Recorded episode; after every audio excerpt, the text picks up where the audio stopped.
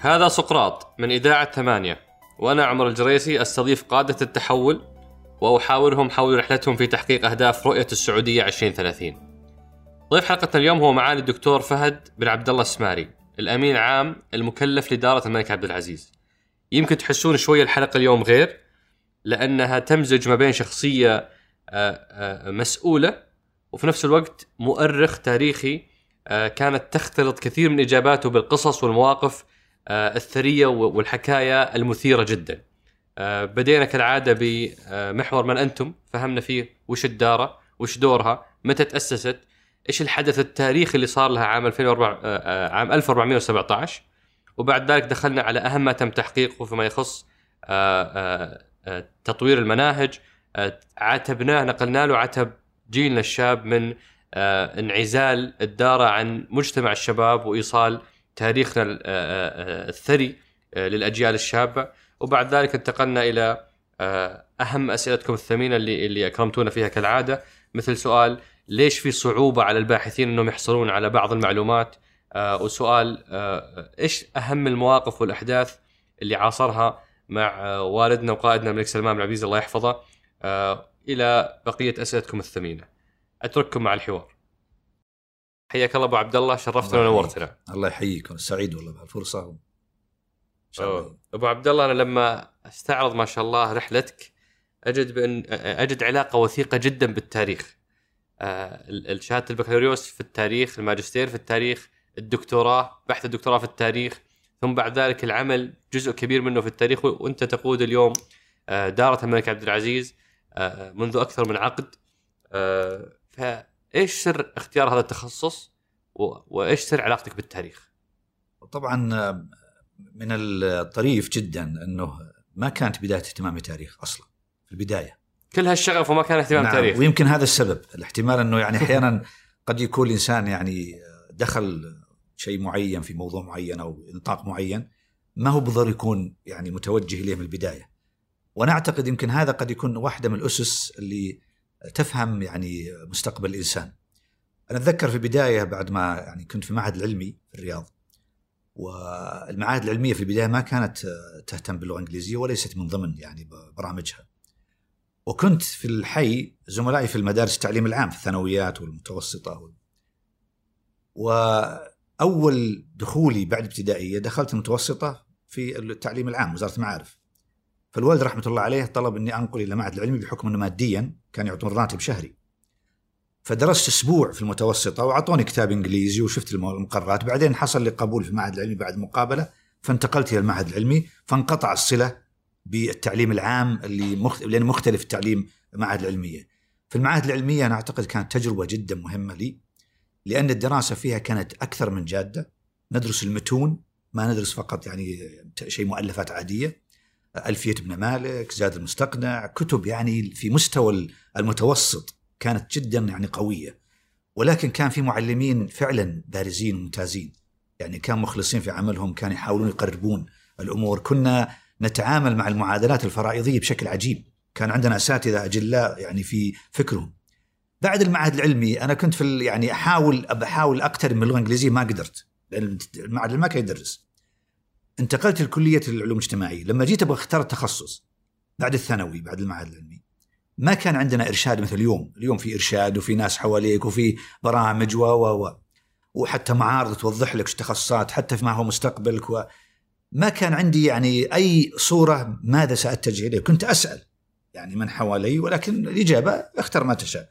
كان قدامي فقط كلية الشريعة كلية اللغة العربية كلية العلوم الاجتماعية. ثلاث اتجاهات فقط.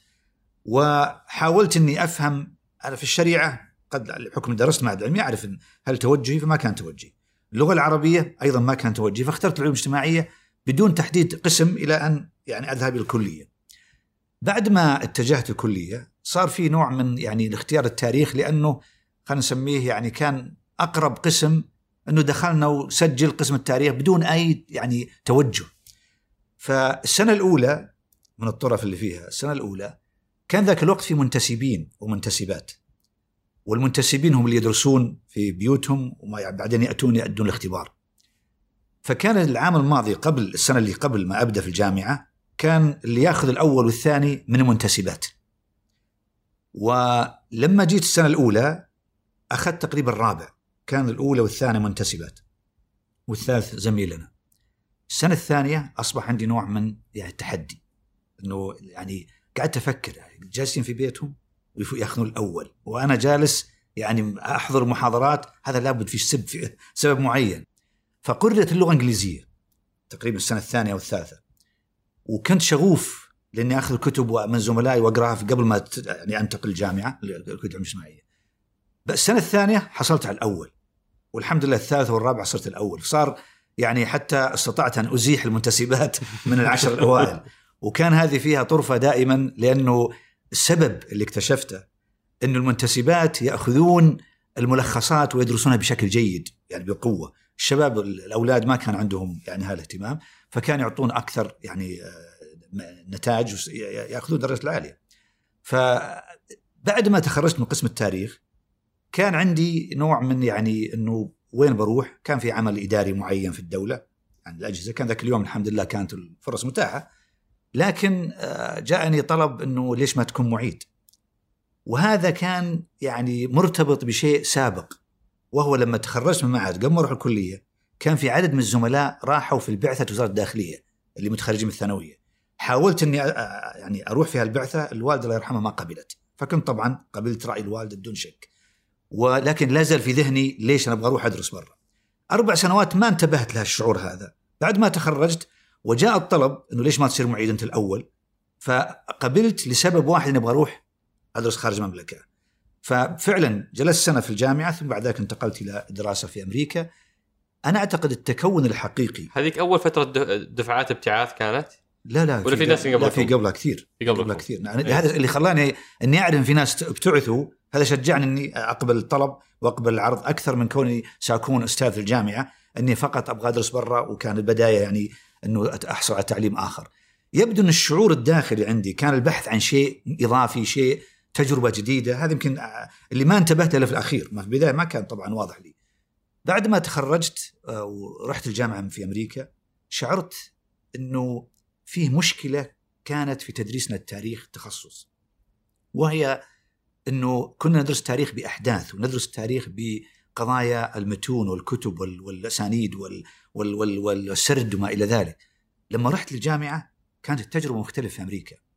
أول مادة أخذتها كانت جامعية لأنهم قالوا عشان ما عندك مواد معينة في اختصاصك في المملكة لازم تاخذ مواد جامعية. أربع مواد ثم تنتقل ماجستير المواد الجامعية يعني من الطرف اللي فيها واحدة من المواد كانت أوروبا في القرن التاسع عشر. وكان الأستاذ كان جدا رائع يشرح بتحليل ويشرح باختلاف وأسباب ونتائج اللي ما كنت متعود عليه في الجامعة في المملكة. بعد ذلك لما جاء الاختبار أنا فوجئت وصدمت بالأسئلة. الأسئلة اللي كنت متعود عليها في المملكة كانت يعني أذكر أسباب أحداث كذا ما, ما كان في تحليل. فإذا هو يذكر أنه حدثت ثوره في أوروبا في 1830 في المدن في الدول التالية، لماذا لم تحدث في المدن الأخرى؟ الدول الأخرى. ما كنت متعود على هذا. فبدأت يعني أستفيد من التجربة البدائية البسيطة في أمريكا فصرت أقارن الأسباب هنا وأعكسها. يعني عكس.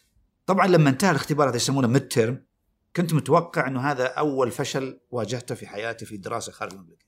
وكنت يعني ندمت لأنه بعد أسبوع فاحضر محاضرة وأنتظر من الاستاذ أو الدكتور يعني يقول لي تراك والله فاشل أو أو F على ما يقولون.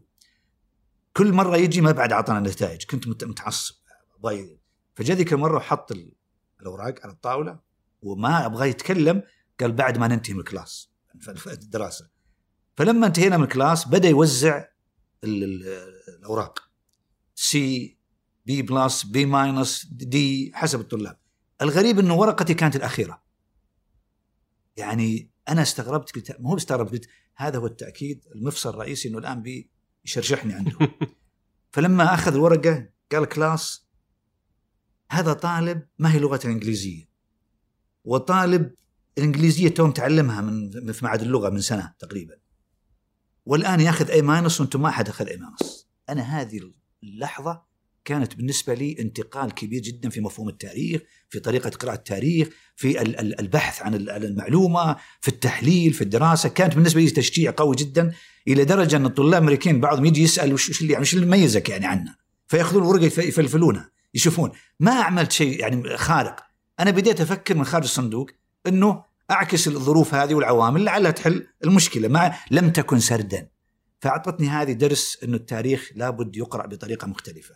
وهذا يمكن اللي أثر في في حياتي والشغف وابتدى في هذا وهناك تولد الشغف ويعني ما شاء الله مضيت صحيح. بمسيرة طويلة صحيح. لها علاقة بالتاريخ. آه إلى أن أصبحت المسؤول عن داره الملك عبد العزيز آه اللي هي محور حديثنا اليوم وحابين نتعرف عليها أكثر لأنها أزعم إنه يعني جل المستمعين اللي يستمعون لنا الآن آه ما يعرفون عن عن الدارة ولا يعرفون إيش دورها ولا يعرفون ماذا حققت الفترة الماضية. فلو تعرفنا أبو عبد الله من أنتم؟ طبعا دارة الملك عبد العزيز هي مؤسسة أسست لغرض يعني نبيل جدا وهو خدمة تراث المنطقة المملكة والجزيرة العربية اللي أيضا المملكة تشغل أغلب مساحتها والعالم العربي والإسلامي بمنظور مكانة المملكة. طبعا الدار لما تأسست في عام 72 ميلادي كانت يعني تمر بظروف معينة. ومدة 25 سنة اجتهدوا القائمين عليها ولكنها يعني لم تقدم الشيء الذي كان ينبغي أن يكون. وفي مرحلة مفصلية بعد 25 سنة أصبحت في وضع جديد وهو بلا شك آه، تولي وتشرفها دار بتولي خادم الحرمين الشريفين. الله يحفظه آه، رئاسة مجلس الإدارة. وذلك عام 1417 وهذا كان بالنسبة لنا يعني نقلة مختلفة تماما ونعتقد إنه ارتباط الدارة وظهورها من 25 سنة يعني هي الآن 50 سنة تقريبا النصف الأول من عمرها كان يعني ضعيف النصف الثاني تألق وأبرز بوجود مولاي خادم الحرمين الشريفين وحاليا أيضا بدعم ومسانده وتعضيد سمو سيدي ولي العهد الذي وجه امال الدار. طبعا الإشكالية في النظر للمؤسسات إذا اقترنت بالمطالبه بما هو أكثر مما تقوم به. بس قبل ما أوصل هذه عفوا أبو عبد الله قاطعتك لسه أنا ماني فاهم وش دور الدارة، وش المفترض إنها تسوي؟ وش فرقها عن مكتب الملك فهد الوطنية، عن هيئة التراث، وش فرقها؟ صحيح، دور الدارة باختصار شديد هي المرجعية المعرفية لتاريخ المملكة العربية السعودية. بمعنى إنه هي تقوم بحفظ المصادر الرئيسية، تقوم بطباعة ونشر وتحفيز النشر العلمي لدى الباحثين، تقوم بحفظ المصادر الوثائقية والصور والكتب الأخرى تقوم بالتدقيق والتحقيق في الأمور التي قد تنشأ عن بعض اختلاف في الأمور التاريخية تقوم أيضا بتحفيز الجهات الأخرى إذا كان في منطلق تاريخي في جانبها سواء كان آثار أو عمران أو تراث في ما يخص الجانب التاريخي. ولذلك هي تقوم بدور المحافظة، دور الإتاحة، دور المساندة والدعم في التحفيز في البحث العلمي والنشر. فكل هذه الأدوار تقوم فيها والحمد لله بشكل يعني أزعم إنه جيد إن شاء الله. وبلا شك إنه يعني لما لما بتولي مولاي خادم الحرمين الشريفين رئاسة المجلس إدارة الدارة يعني أول سؤال كان يرد للدارة ما هي يعني ما هي مسؤوليتها؟ وش مسؤوليتها؟ ولا يعني ينظر فيما تم في الماضي وهل أدت أم لم تؤد. الشيء اللي ينبغي أن يعني لا يعني أنا دائما أتذكره إنه أول اجتماع رأسه خادم الحرمين الشريفين لمجلس إدارة الدارة أنت كان حاضر طبعا أنا ما لي يمكن أقل من سنة كلفت وأنا كنت في وزارة التعليم العالي كلفت بالإشراف على الدارة وتشرفت إنه يعني تولي خادم الحرمين بعد عدة أشهر صدر قرار مجلس وزراء. أول اجتماع طلب مني طويل العمر طلب مني أن أوزع نظام الدارة على الأعضاء قبل الاجتماع. أنا ما افهم القصد. وكنت مجهز جدول أعمال واقر طويل العمر إنه هذه جدول الأعمال. كان عندي تطلعات كان عندي أشياء كثير ودي إنها تكون و و. فطويل العمر بحكم خبرته الإدارية وحكم يعني حاكم يعني يعرف الأمور ولديه يعني قدرة إنه يميز الأمور. فقال هذا جاي مجتهد خله يحط أماله وطموحاته إلى أن يعني يحطها على الطاولة وبعدين بيصير خير إن شاء الله. فلما جاء الاجتماع أول كلمة رحب بالأعضاء وقال أنا طلبت من الأخ فهد يوزع عليكم نظام مجلس الاداره نظام إدارة الملك العزيز هذا النظام هو الذي يحكم عملنا. شوف كيف الرؤية كيف أيضا الانضباط كيف أيضا التقيد. يعني ما هو فقط رئيس مجلس إدارة أعطونا أموركم يوقع ويمشي وبعدين السنة الجاية ولا بعد ستة شهور يجتمع إطلاقا. يعني كان رئاسة لمجلس إدارة رئاسته للداره أكثر منه مجلس إدارة. وكان يقول للاعضاء يقول في جدول الأعمال اليوم أنا أقترح إنه تراجعونه وتفكرون فيه والاجتماع الثاني يكون عندنا حوار أفضل. وكان من ضمن النقاط اللي أنا طارحها في الجدول أو في جدول الأعمال إنه أبغى عدد من أعضاء التدريس يعينون في الدارة ونحصل على وظائف. فذكر طويل العمر قال أنا ما أتفق مع التوجه. طبعا أنا أحبطت يعني هذه بداية الطلب وأنا أبغى يعني مطلع إنه يكون فيه يكون فيه دعم ويكون فيه في الحكمة الواحد كيف يستفيد منها. فقال طول العمر تدري ليش أنا قلت هالكلام؟ قلت طلع ما, ما عندي خلفية، قال أنت الآن لما تأخذ أعضاء تدريس معك في الدارة حيكون هم اللي فقط سيؤدون العمل وسيغلقون الأبواب عليك مع الجامعات والسعودية والباحثين العرب والمسلمين في كل مكان. فالأفضل لك أن الباحثين هم في كل مكان. أنت هي أمورك كإداريين ينظمون العمل وكباحثين على مستوى التحضير والإعداد، أما الأكاديميين فاستفد من هذه المنظومة كاملة. في البداية كانت يعني ما ما هي سهلة أقبلها في البداية لأني كنت أبغى يعني ناس يساعدوني في العمل. لكن الآن فعلا حقيقة إنه هذا ما أنجح الدار ضمن أمور أخرى بعد توفيق الله عز وجل. إنه صارت الدار على صلة مع الجميع وليست مع صلة داخلها وتتمحور في حول موظفيها الاكاديميين وإنما صارت تستفيد من كل عضو تدريس. فهذه من الأشياء اللي فعلا يعني كانت من الأيقونات اللي تعلمتها في تجربة سلمان بن عبد العزيز. ومن ضمن الأشياء اللي يعني من أوائل الأشياء اللي أنت صادفتها في في الداره خطاب. خطاب؟ اي شفت شفت خطاب من الملك عبد الله الله يرحمه. إي نعم. وش قصة هالخطاب؟ طبعا هذا قصته إنه كنت في الأمارة أعرض على طول العمر بعض أمور الدارة قبل ما يتشرف الدارة برئاسته. و فكان يقول لي يعني كل مرة هجيه أنا بملف وأستأذن معالي وزير التعليم العالي كان رئيس مجلس إدارة وأجي للأمير سلمان في إمارة منطقة الرياض لست يعني علاقة بالأمارة وليس طويل العمر رئيسا ولا مسؤول عن الدارة ولكن كنت دائما يعني آخذ موعد وأطرح عليه بعض الطموحات وبعض الأمور لأني كنت أعرف يعني إنه الملك سلمان بن العزيز ذاك الوقت كأمير منطقة الرياض إنه يعني عارف بالتاريخ وفاهم في التاريخ وموجه وأيضا لديه الرؤية الواضحة. فذلك اليوم فاجأني بقوله أنا ماني مسؤول عنكم يا فهد. يعني دائما تشغلني بهالأمور أنا ماني مسؤول عنكم. قلت طبعا كنت مسؤول عن الجميع. قال تعرف في موضوع كان في 1406 قلت ما ما أعرف ما عندي خبر طال عمرك. فطلب من مدير مكتبه أن يحضر خطاب. فاحضر خطاب فإذا به من الأمير عبد الله بن أبي ولي العهد آنذاك موجه الملك فهد إنه ليس راضي عن وضع الدارة 1406 وإنه يعني أفضل من يديرها ويتولاها سلمان بن العزيز. فكأن هذا يعني جاء بالنسبة لي فتح كبير. فقلت طال عمرك هذا شرف لنا. قال هذا شأن الدارة أنا ما زي يقول ما أفرض نفسي على الموضوع لكن أبين لك إنه ترى اهتمامي بالدارة يعني من قديم وأنا كنت حريص عليها وزرتهم في 1406 ولكن لم يستثمروا الفرصه. طلبتهم يجون عندي وكذا ما ما احد طلب وانت الآن جاي تسأل عن أمور وأنا أكبر فيك هذا الشيء وأدعمك وايدك وأهلا وسهلا.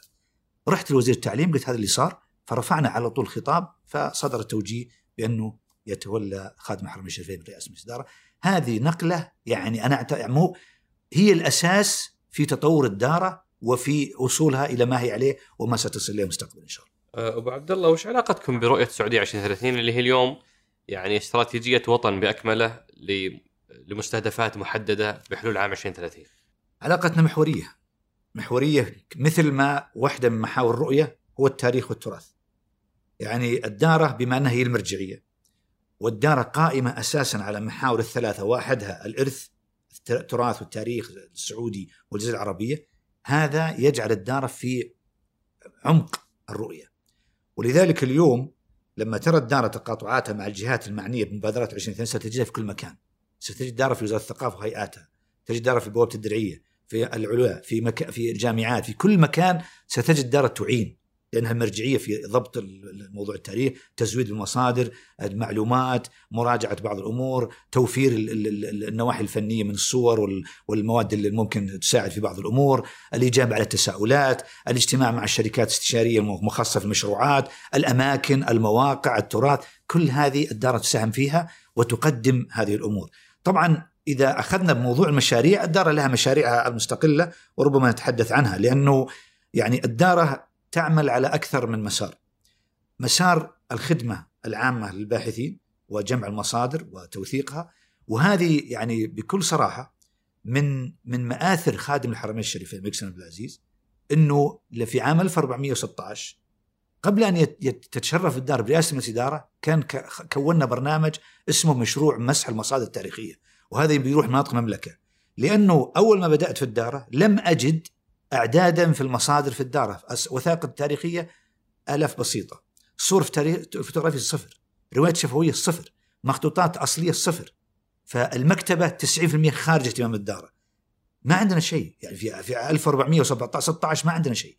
ولما أقول ما عندنا شيء ده حقيقة. وهذا موثق. ما هو شيء يعني مبالغة. فطويل العمر ساهم ماديا قبل ما يعني يتشرف برئاسة مصدار فاستخدمنا هذه المساهمة المادية لتأمين التجهيزات وانتقال المملكة أول مرة الدار تزور 13 منطقة وتوثق المناطق وتوثق الروايات الشفوية ونتج عنها آلاف العشرات الألاف الصور وآلاف مئات الألاف من الوثائق وأيضا الصور والروايات الشفوية تجاوزت 5000 بعد التجربة. هذه البداية من الذي دعمها؟ سلمان بن العزيز. بعدها بعدة أشهر وتشرفت برئاسته بدأ التخطيط. يعني أصبح دائما يقول في اجتماعات مجلس إدارة لما نقر في اجتماعنا مشروع أنا أبغاه يبدأ بكرة وتعطوني عليه التفاصيل. فكان ملف الدارة يذهب إلى طويل العمر وهو في أمارة منطقة الرياض بشكل يومي. حتى أنا يعني معلوم ما كنت أعرفها لما كنت أبغى أتكلم مع طويل العمر في الأمارة على موضوع معين كنت ماخذه معي. فكانت المعاملات على مكتبة تعرف عدة يعني ملفات شيء من الامني شيء من الإدارة شيء من المالية شيء من كذا الامارات المحافظات. فكان يقول لي فهد ترى الدارة بيجي دورها الآن ملف رقم اثنين. الملف الأمني ثم ملف الدارة. قبل ملفات البقية فكان يعطي التاريخ أهمية. وكان لم يكن يعني دورة في مجلس إدارة أنه فقط يرأس وينتهي. كان يوميا يتابع ويدعم ويتحدث مع الناس ويشجع ويحفز مما أدى إلى ارتفاع نسبة المكونات في الدارة إلى الأرقام اللي ربما نتحدث عنها بعد قليل. هذه فرصة جيدة. أبو عبد الله ننتقل إلى ماذا حققتم ونسأل ابتداء من نقطة الصفر اللي بدأت فيها وتحدثت عنها ب يعني عدد محدود من المخطوطات وعدد محدود من الكتب وال وال والروايات الصوتية. اليوم وين وصلنا في في هذا تاريخنا وفي حفظه وتوثيقه؟ اليوم يعني الحمد لله الدار تمكنت من حفظ أكثر من خمسة ملايين وثيقة أصلية. وهذه الآن في قيد يعني يمكن أكثر من مليون و500 ألف وثيقة الآن مرقمنة. وهذه اللحظة يستمر العمل في الرقمنة لأن الرقمنة ليست فقط سكاننج وإنما أيضا قراءة الوثيقة وضع التفاصيل معلومات حتى يستطيع أن يستدل بها الباحث إذا أراد هذا العمل. صور تغرافية كان صفر. اليوم عندنا 128 ألف مرقمنة وعندنا أكثر من 250 ألف صورة فوتوغرافية. الكتب 128 ألف؟ 128 ألف مرقمنة و250 ألف الإجمالي. الإجمالي. المتبقي يمكن تقريبا أقل من من النصف الكتب كان يعني 90% ليست في اهتمام الدارة أخرجت وفتحت الأرفف الأرفف مفتوحة وبدات الكتب يعني تدلف إلى الآن 60 ألف كتاب مرقما وأكثر من 120 ألف آه، مجلد آه، يعني إجمالي الكتب. آه، لما نتكلم عن المخطوطات المخطوطات المحلية السعودية ما أتكلم مخطوطات إسلامية لأن في جهات أخرى تقوم مشكورة بهذا العمل لكن في الدارة صفر مخطوطات محلية. الآن 5700 مخطوطة أصلية من أنحاء المملكة العربية السعودية. المخطوطة والمنسوخة في داخل المملكة على مدى العصور السابقة. آه، عندما نتكلم عن الروايات الشفوية صفر.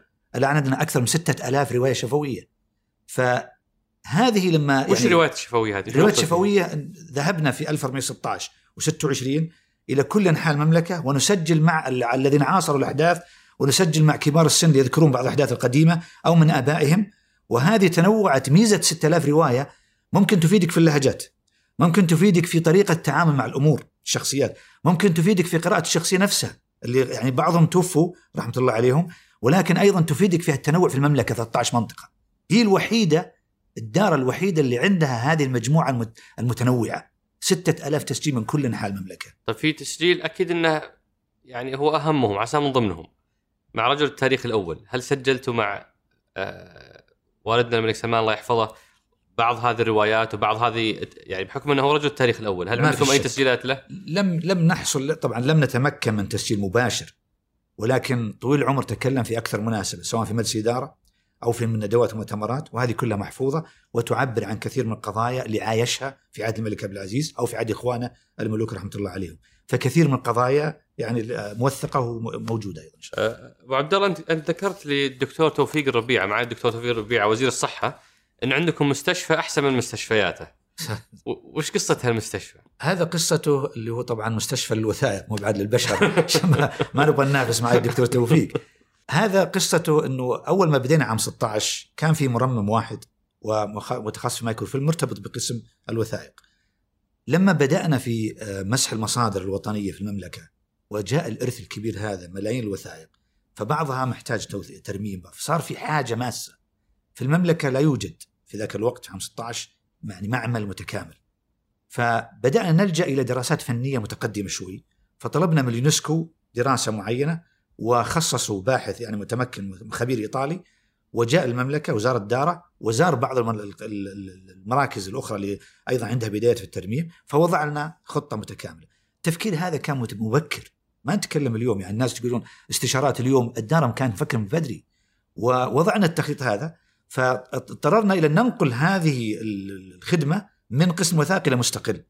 فبدأنا نخطط ونرتب وفق هذا التخطيط الاستراتيجي المباشر من الخبير الإيطالي وبدأنا نأتي بالأجهزة ثم بعد ذلك تطور الأمر إلى إنه في جهات ما تستطيع تخرج وثائقها فاضطرنا إلى شراء أيضا سيارة متحركة متنقلة وتذهب إلى أي مكان المكتبات الخاصة وتم هذا الأمر زودت بسيارة أخرى فأصبح لدينا يعني معمل متكامل يقدم خدمة ترميم للأفراد ولأوراقهم الخاصة وللجهات الحكومية وللجهات الخاصة إذا رغبت في ترميم يدوي ترميم آلي وتجليد فالمعمل الآن أصبح يقدم خدمة لكثير حتى منذ قريب يعني آه، تشرفنا وسعدنا بخدمتنا مع وكالة الأحوال المدنية وأسست عنده مراكز ترميم من قبل المركز الملك سلمان للترميم والمحافظه على الاموال التاريخية. أبو عبد الله أنت في مقام الوالد وأكيد صدرك يتسع لعتب أبنائك. ما في شك. بس حنا طال عمرك كجيل نشأنا معزولين عن تاريخنا وتاريخنا أخذناه صراحة بطريقة لا تعزز الانتماء وكثير منا وجد نفسه في يوم وليلة يجهل تاريخ بلده ويجهل أبطال بلده آه، ففي عتب من جيلنا للدارة أنها ليش مو قاعدة توصل لنا؟ فوش اللي تحقق في آه، إيصال هذا الإرث التاريخي العظيم للجيل الحالي والأجيال القادمة؟ أنا ما أشوف عتب. أنا صراحة ما أشوف عتب، أنا أشوف مطالبة بمسؤولية. وهذه مسؤولية الدار أصلا. وهذه انتبه لها خادم الحرمين الشريفين ووجهنا منذ فترة بالانتباه لتحويل التاريخ إلى شيء مقبول ومناسب وفق الوسائل الحديثة للشباب. وأيضا يعني ارتقى هذا الأمر إلى أعمال كثيرة وعرضت على مجلس إدارة وباركها مقام خادم الحرمين الشريفين، ثم أيضا جاء آه، توجيه آخر مميز في الواقع أيضا يعني بتميز ما وجه بخادم الحرمين الشريفين اللي هو برنامج لخدمة الشباب في مجال التاريخ من سمو سيدي ولي العهد. وهذا برنامج آه، أطلقنا عليه أنتمي وأنتمي الآن تقريبا في مراحل أخيرة للانطلاق بشكل موسع آه، يد يعني مخصص هو مسار خاص للدارة لن تتوقف عن أعمالها الأخرى. ولكن وضع هذا المسار الخاص بتوجيه خادم الحرمين وسمو سيدي ولي العهد أنه يتجه إلى الشباب. ماذا يعني أنتمي؟ يعني أنه المخرجات التي سيتوجه إليها تناسب فئة الشباب وأيضا تجعلهم يشاركون في فيها المنظومة. آه، فبدأنا باختبارات بسيطة نتأكد من اتجاه التاريخ. كانت تجربة يعرب اللي عملت مع ميركوت وكان مالك نجر لما بديت الحوار معه كان متردد في الواقع أنه يعمل هذه التجربه لأنه يقول التاريخ جاف قد لا يقبله الشباب. وكنت أطالبه بأن يعني يمشي معنا في التجربه لأني متأكد أنه إبداعه وخبرته حتى تثري هذا الموضوع. وإحنا نتميز بالمحتوى فنستطيع أن نتناغم يعني. فكان الحوار معه أنه لا أنا بعمل لكم ما عندي مانع بس يكون باسمكم فقلت لا أنا مستهدف منصتك ومستهدف إبداعك وإبداع زملائك وزميلاتك فخلينا نعمل نجرب على الأقل فعملنا يعرب في حوالي 12 حلقة وكلها انيميشن وفيلم كرتوني عن تاريخ الجزيره العربيه القديم كمرحله أولى فالحمد لله كانت تجربة بالنسبة لنا كانت ناجحة مليونية المشاهدة الناس بدأوا يفهمون تاريخهم الشباب التفاعل اللي صار من الشباب لهذا الأمر كان جدا جميل هذا المسلسل سيتجه إلى الفترات التاريخية الأخرى إلى أن يصل تاريخ الحديث. المسار الثاني هو تقريب المعلومات ويعني تبسيطها إلى درجة الفهم في فهم الشباب لأنه لما تريد ان أن تنقل المعلومة التاريخية إلى ذهن الشاب إذا كانت معلومة جافة حيتجه إلى اتجاه آخر، إذا كان الفيديو دقائق طويله لن يتجه إليه. فالآن في التوجه إلى أكثر من مسار لفئة طبعا لما نتكلم عن الشباب إحنا مسؤولين عن من من يعني قبل المدارس مرحلة الأطفال ثم مرحلة المدارس الابتدائيه المتوسط ثم الثانوي ثم بعد الثانوي. إضافة إلى السن الكبير والمتخصص هذا طبعا المسار الثاني في الداره. لكن هذا البرنامج أنتمي هو متوجه للشباب بالدرجة الأولى. والآن في مساره هذا أيضا بيتجه هم يقومون بهذا الأمر. يعني بيكون في أعمال كثيرة من خلال ال social media من خلال البرامج مفتوحة مهرجانات مفتوحة من خلال أيضا تفاعلهم في كل منطقة لأن اليوم يعني اللي أشوفه اليوم إن في فجوة الدار ليست مسؤولة عنها في الحقيقة الفجوة هي في الجانب الأكاديمي وفي الجانب المعرفي الجانب الأكاديمي جزء كبير منه فيه جزء جدا يعني متقبل ومتكيف مع الوضع الجديد لكن جزء كبير من جدا لا يستطيع أن يلتقي في بالمعرفة مع الفئة الشابة لأنه قد يقدم معلومة يعني ساينتفك هذه قد لا تكون سهلة الاستيعاب. فلذلك إحنا جالسين الآن ننتقل إلى مرحلة التأثير على الكتل الأكاديمية لكي تتكيف بدون المساس بقدرتها العلمية والمعرفية والمعايير المهنية أن تنتقل إلى التكيف مع النص اللي يقدم إلى فئة الشباب. أنا أعتقد إذا نجحنا في سد هالفجوه أنا متأكد إنه بيكون عندنا يعني مستقبل كبير. الأمر الآخر مع الشباب أنا أعتقد يعني في شيء مهم جدا، الشباب اليوم يريد أن يعرف بعض الحقائق ويريد أن يعرف ما أسبابها، ويريد أن يعرف وش الإثارة فيها، ويريد أن يعرف وش يفخر فيه.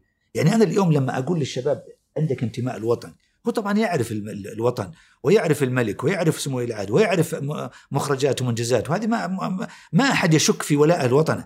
لكن يقول أنا أبغاك تعطيني دفعة قوية أكثر عشان تخلي هالانتماء يحفزني لأني أزيد على ما قدم الآباء الأجداد. وهذا هو محك البرنامج أنتمي.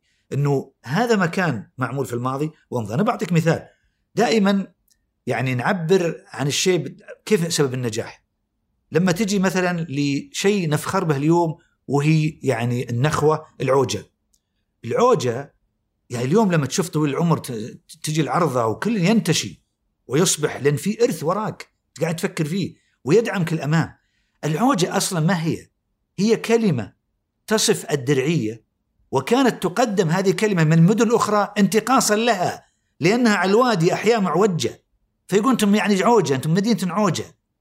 أهالي هذه المدينة وأسرة آل سعود اللي طبعا حكام هذه المدينة في البداية كأمارة إلى أن أصبحت دولة السعودية الأولى ودولة السعودية الثانية ثم المملكة استخدموا هذا النقد قوة إلى أن تكون هذه العوجة اللي تنتقدونها شوف كيف تكون مبدأ قيم عمل ومنجز وأيضا توحيد الناس ما في إقليمية ولا عصبية وفي مبادئ قوية في عدل في إنجاز في نشاط إلى أن امتدت. من يتصور؟ إن الدرعية في وسط الجزيرة العربية مدينة على حافة الوادي المعوج اللي الناس ينظرون له سلبا. أن تكون حاكمة للجزيرة العربية كلها. ماذا يدل عليه؟ يدل على أساسك الأصيل الدين اللي أنت مستند عليه الصحيح القيادة الرشيدة والحكم الرشيد المبدأ هو القيم. أنك أنت تفخر بإنجاز يكون عندك قيمة. ما حكمت يعني الأسرة المالكة ما حكمت لأنها من قبيلة كذا ولا حكمت لأنها تدير إمارة كذا ولا حكمت لأنها أسرة كذا. حكمت لأنها تريد المجتمع أن يكون موحد ويمكن يغيب عن كثير من الناس أن الجزيرة العربية لم تتوحد بهذا الشكل في الدولة السعودية الأولى واليوم مثل ما توحدت به أيام الدولة النبوية والخلافة الراشدة. لأنه الفارق بين الدولة الخلافة الراشدة وبين الدولة السعودية الأولى كان فارق تشظي وانقسام وحروب وفتن وعدم وحدة. هذه أنا أعتقد تكفي الإنسان الشباب في برنامج أنتمي أن تغذي فيهم هذا الفخر. وهناك كثير من الأشياء سيعلن عن قريب إن شاء الله. وما دام نتحدث عن انتمي أبو عبد الله. الانتماء يعني يغرس من اللحظات الأولى. يعني لما أشوف أنا مثلا أبنائي آه، ومصادر التلقي بالنسبة لهم إما يعني هي ثلاث قنوات.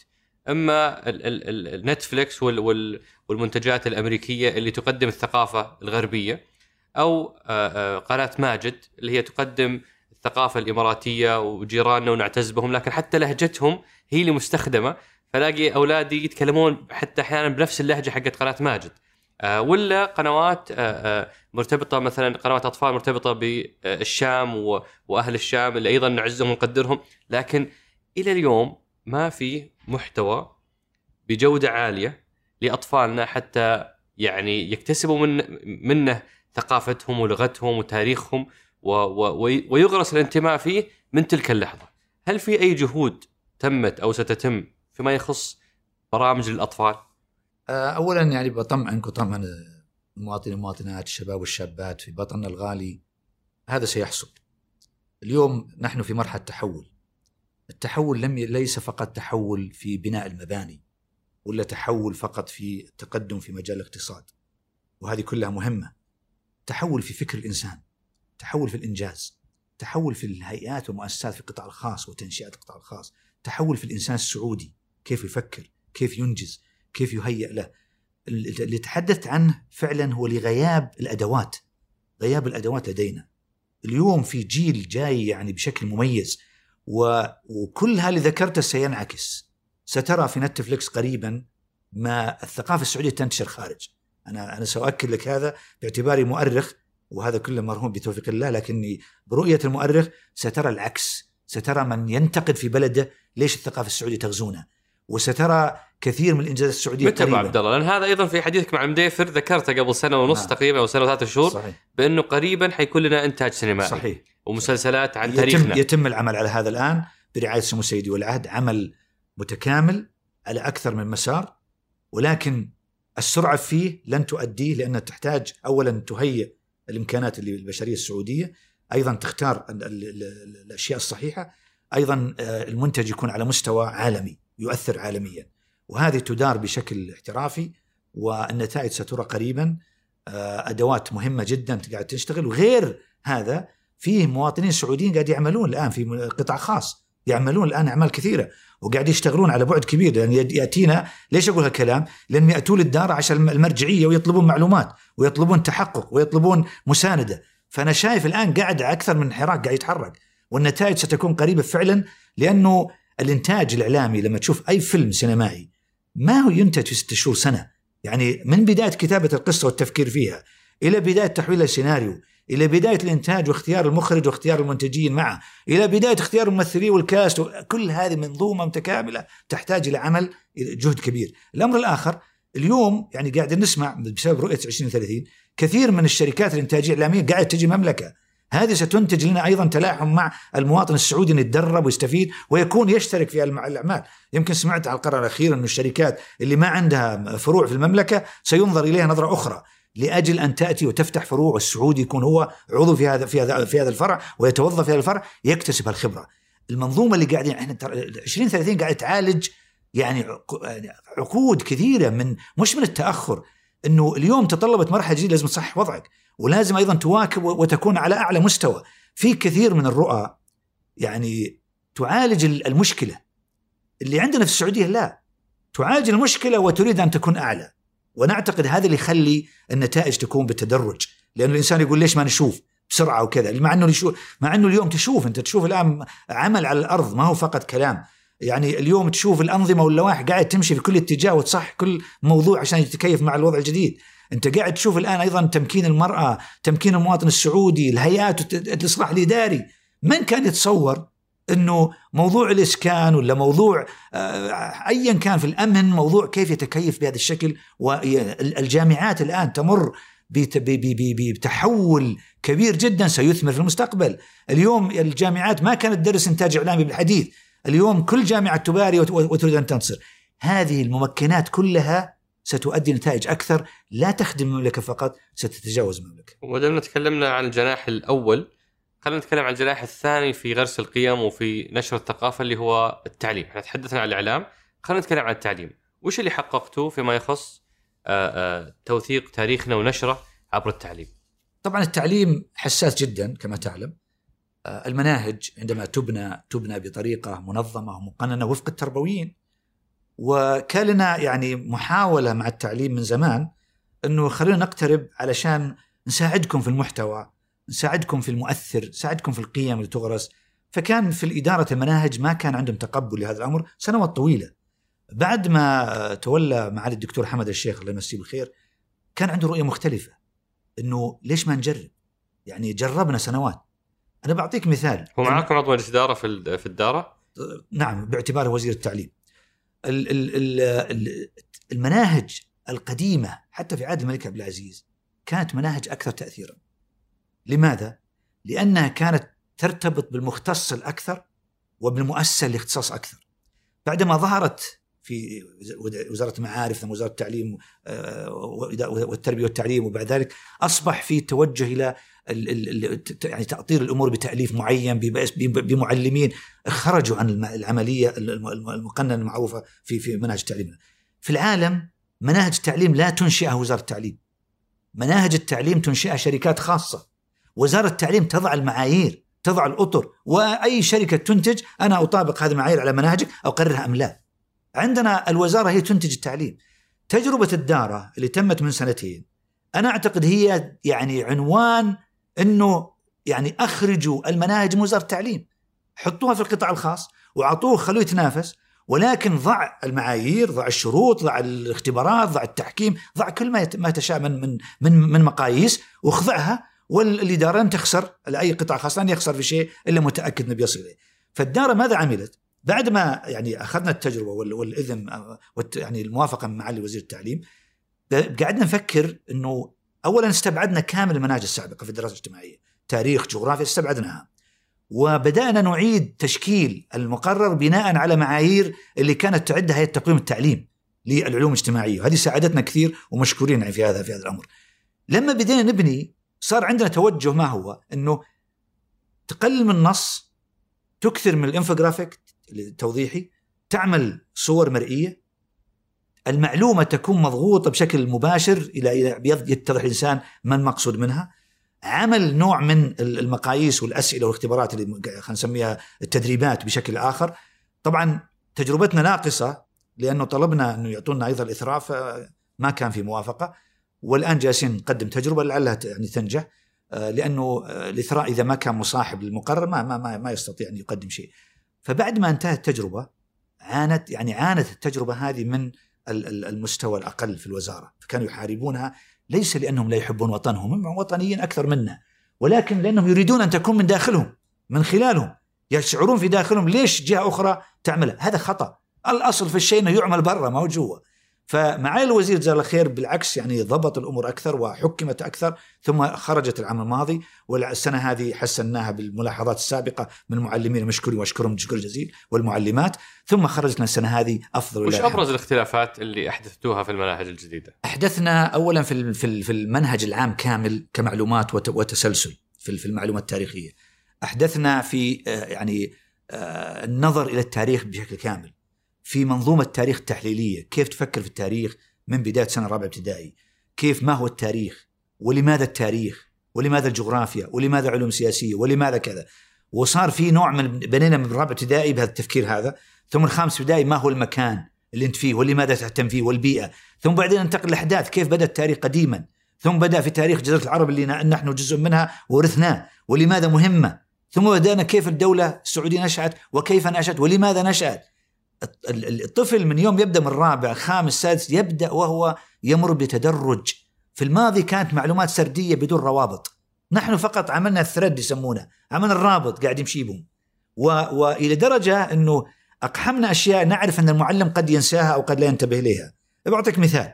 من التجربات يعني من التجارب الطريفة إنه أحدثنا نوع من توضيح لكيف تعرف القرن. يعني حتى أحد من الزملاء المستشارين التربويين اللي معنا من جامعة الملك سعود مشكورا كان يقول يعني ما ما هذه معروفة. قلت طيب الآن عطنا ثلاث معلمين نختبرهم. فكلمنا معلمين نعرفهم شخصيا. يا فلان وفلانه 460 أي قرن. قبل الظهر الرابع أو كذا ما هو متأكد. شفت؟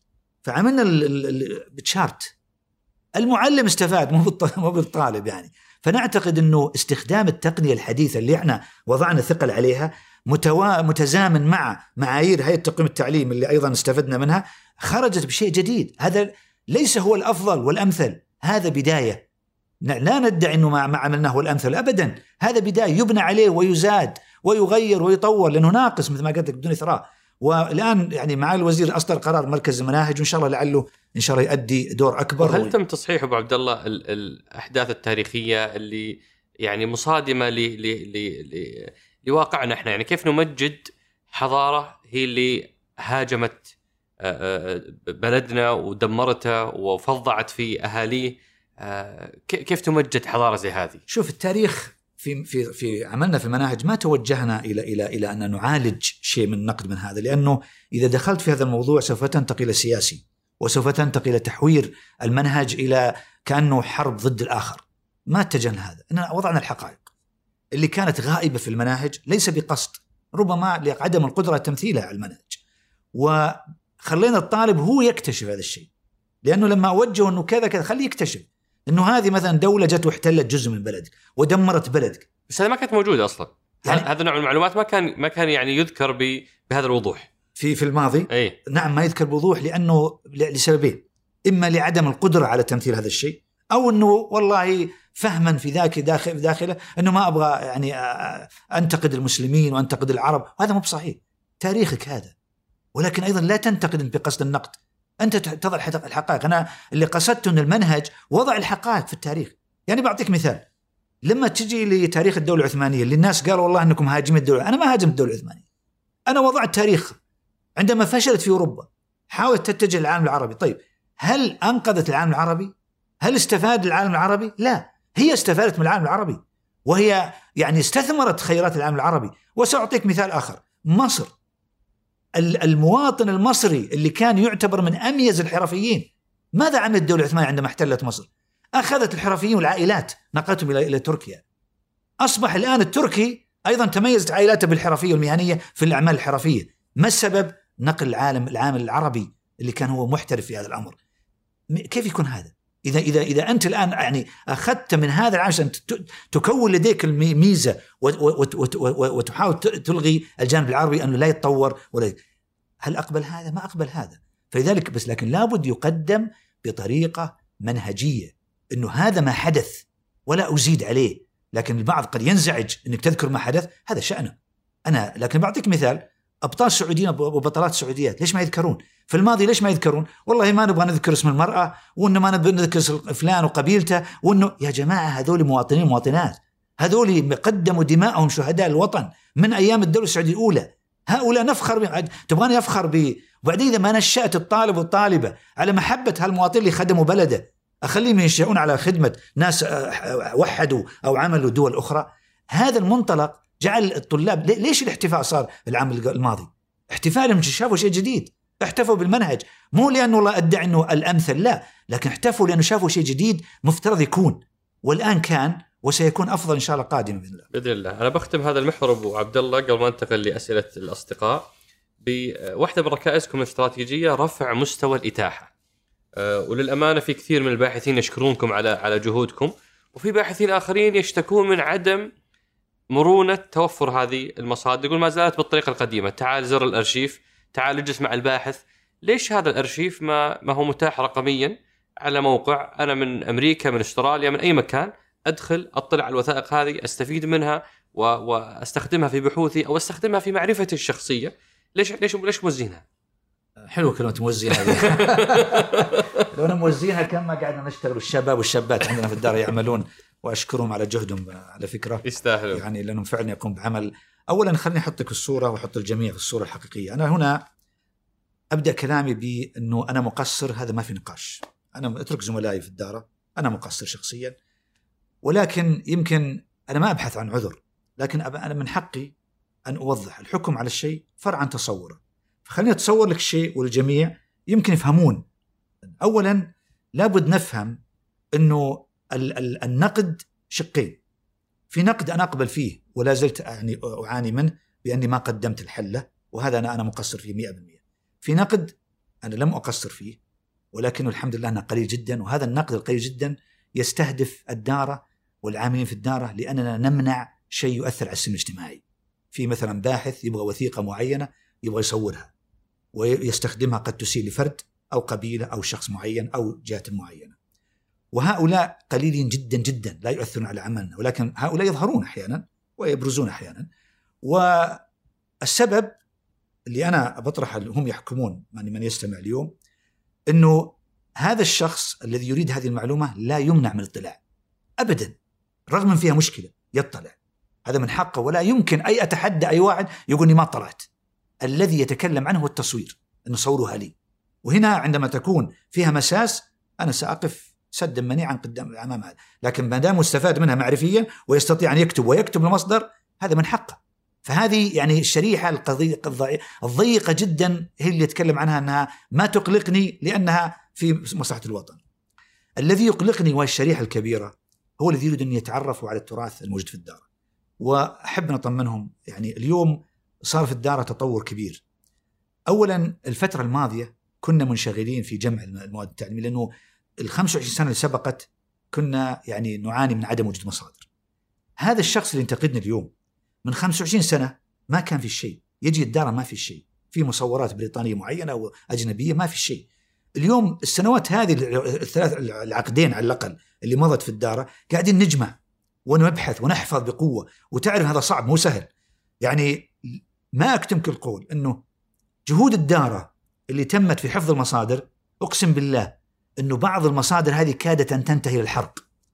بعطيك مثال، بعض الوثائق كان في حساسيات وكان بعض الأسر يقول اتلفها عشان ما نشكل فوقفنا الحمد لله بتوفيق على وقت قبل ما يتجه لحرقها. وثائق نقلت خارج المملكه رجال عملوا مع الملك عبد العزيز. ما حد تواصل معهم. عملنا برنامج تواصل مع من عملوا في المملكة. وانتقلوا خارج المملكه استطعنا أن أنقل مئات الآلاف من الوثائق الأصلية الوطنية من خارج المملكه للداخل.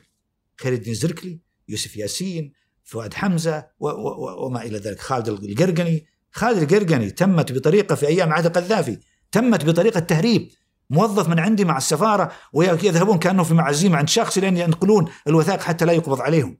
فأنا أعتقد إنه هذا التراث الآن اليوم وصلنا إلى مستوى أنه لابد نواكب الحاجة الماسة لأن في الماضي كان متاح قد أمام أي إنسان يطلب ملف حتى لو ما رقم أو ما فهرس يطلب ويطلع عليه. الآن ما الذي حدث؟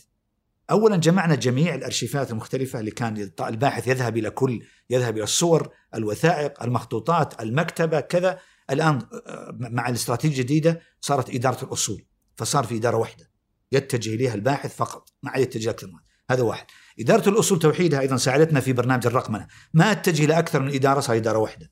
أيضا أنتجنا أو أحدثنا إدارة الخدمات الباحثين وهذه تقوم عليها أخت فاضلة في الدار موظف في الدار وتقوم بعمل يعني الحمد لله مشكور مع زميلاتها وتدير مع زملائها أيضا مع عملية الباحثين وخدماتهم.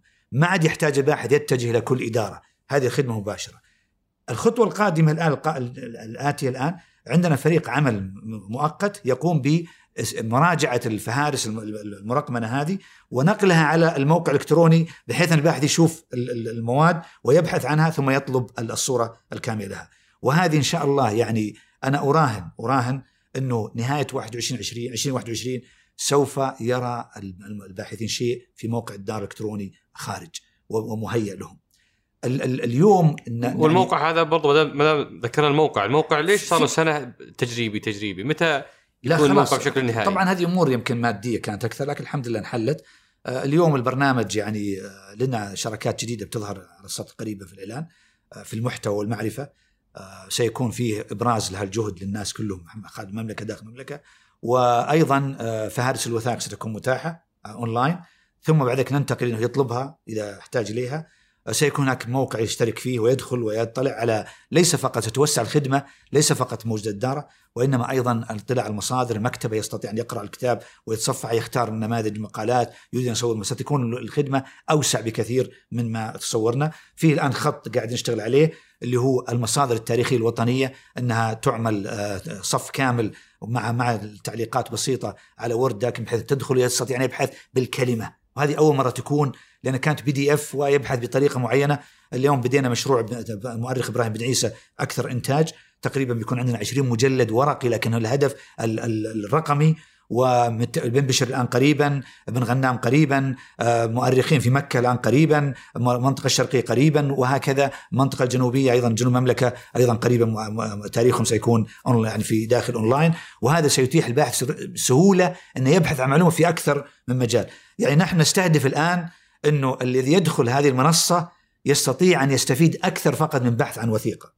آه، طبعا إخراج الوثيقة يعني آه، يستطيع أن يقرأها هذا سيتم في المرحلة الثانية بعد ما يوقف العمل على الحساسيات لأنه لا امنعه ولكن يجده في الفهرس ويطلبها إذا كان شاب لكن تحت العموم قد يكون فيها إشكال وهذه طبعا مجموعة ليست بكبيرة وهذه سهل التعامل معها لكن المجموعة الكبيرة ستكون متاحة التوجه الآخر إنه الآن في التعامل مع المركز الوطني ستكون متاحة بشكل رقمي. بشكل رقمي. ممتاز. التعامل الآن مع المركز الوطني لوثائق المحفوظات بيننا تفاهم معهم الآن ومكتبة الملك فهد الوطنية انه ننشئ أيضا نوع من التكامل بيننا فيما يخدم هذا الجانب الباحثين.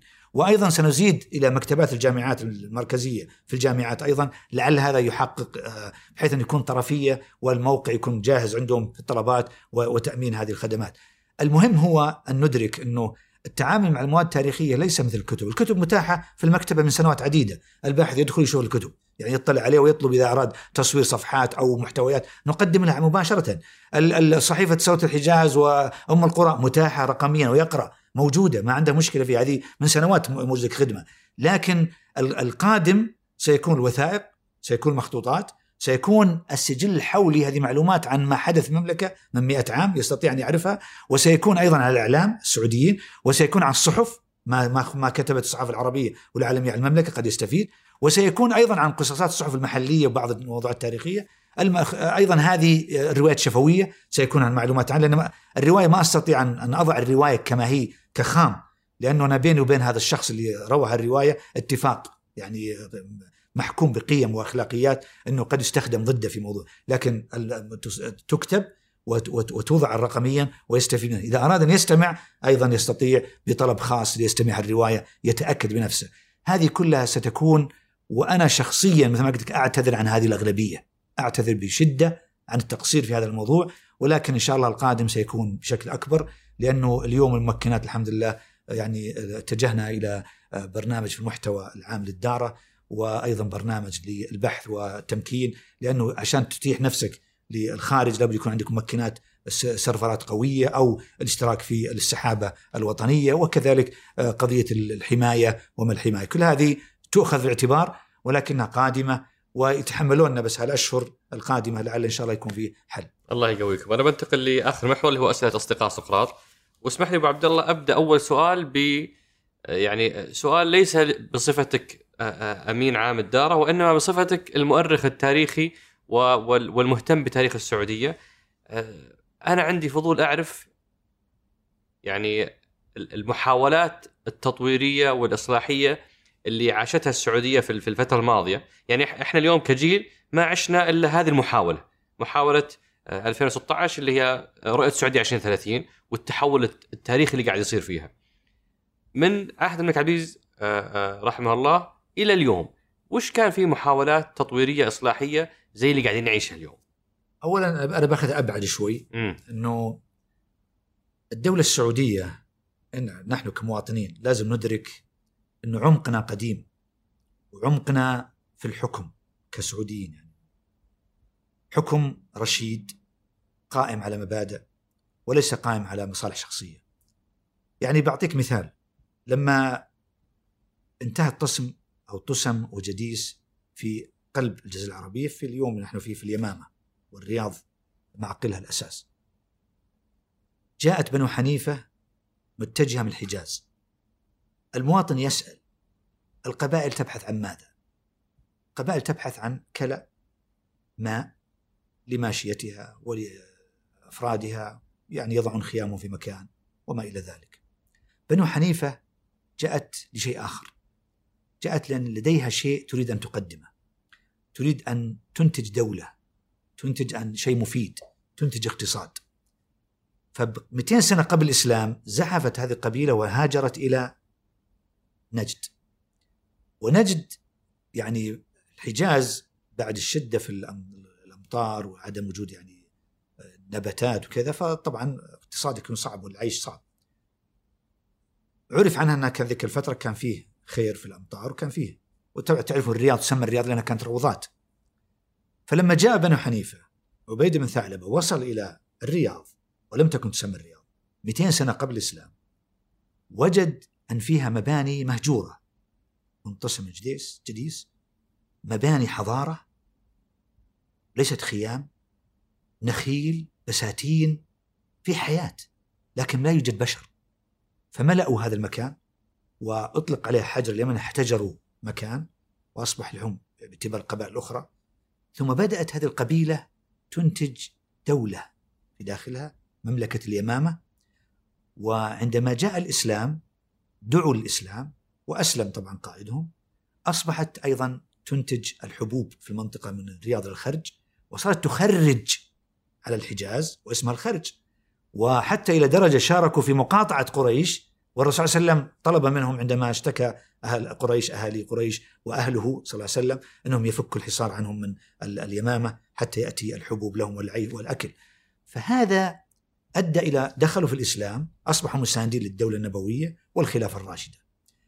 جاءت بعدها الدولة الخيضريه دولة طبعا آه، يعني مذهبها غير سوي وقتلوا وشرذموا القبائل ودمروا المجتمع الوحدوي في البلد ثم بعد ذلك عادت بنو حنيفة مرة أخرى. وعندما عادت بنو حنيفة بدأوا يبحثون عن أبناء عمومتهم اللي تشرذموا في انحاء كثيرة. منهم مانع المريدي كان في شرق الجزيرة العربية ومؤسس بلدة اسمها الدرعية. أنا أنا أقول هالكلام أخ عمر وهو طويل شوي لكن عشان بس نتصور ما لماذا نحن هنا ولماذا نحن بهذا الشكل. مانع مريدي طبعا وجد إنه أبناء عمومته في في الرياض بدأوا يعيدون قوتهم فدعاهم. مرة ثانية البحث عن الدولة. ليس البحث عن مكان وقبيلة وعشيرة. جاء منع مريدي أعطي على حافة الوادي غصيبهم ليبيد كون الدرعية. هذا كلام من 850 هجري 1446 15 نصف من 15 ميلاد. بعد ذلك بدأت هذه الإمارة في الدرعية تتبلور وتتمكن لما جاء الإمام محمد بن سعود. 1139 1727 ميلادي أصبحت الإمارة استطاع أن كانت مفترقة في داخلها وحدها. الإمام محمد بن سعود كان علامة فارقة في إنتاج الدولة الحديثة الموحدة بدأ ينظر الاقتصاد بدأ يتجه القبائل بدأ يتجه إلى القيم الدين كان في بعض الشيع البدع وما إلى ذلك أيد الدعوة الإصلاحية أصبحت الدولة من قبل حتى تأيد دعوة الشيخ محمد الوهاب أصبحت في بداية تأسيسها وتتبلور كدولة.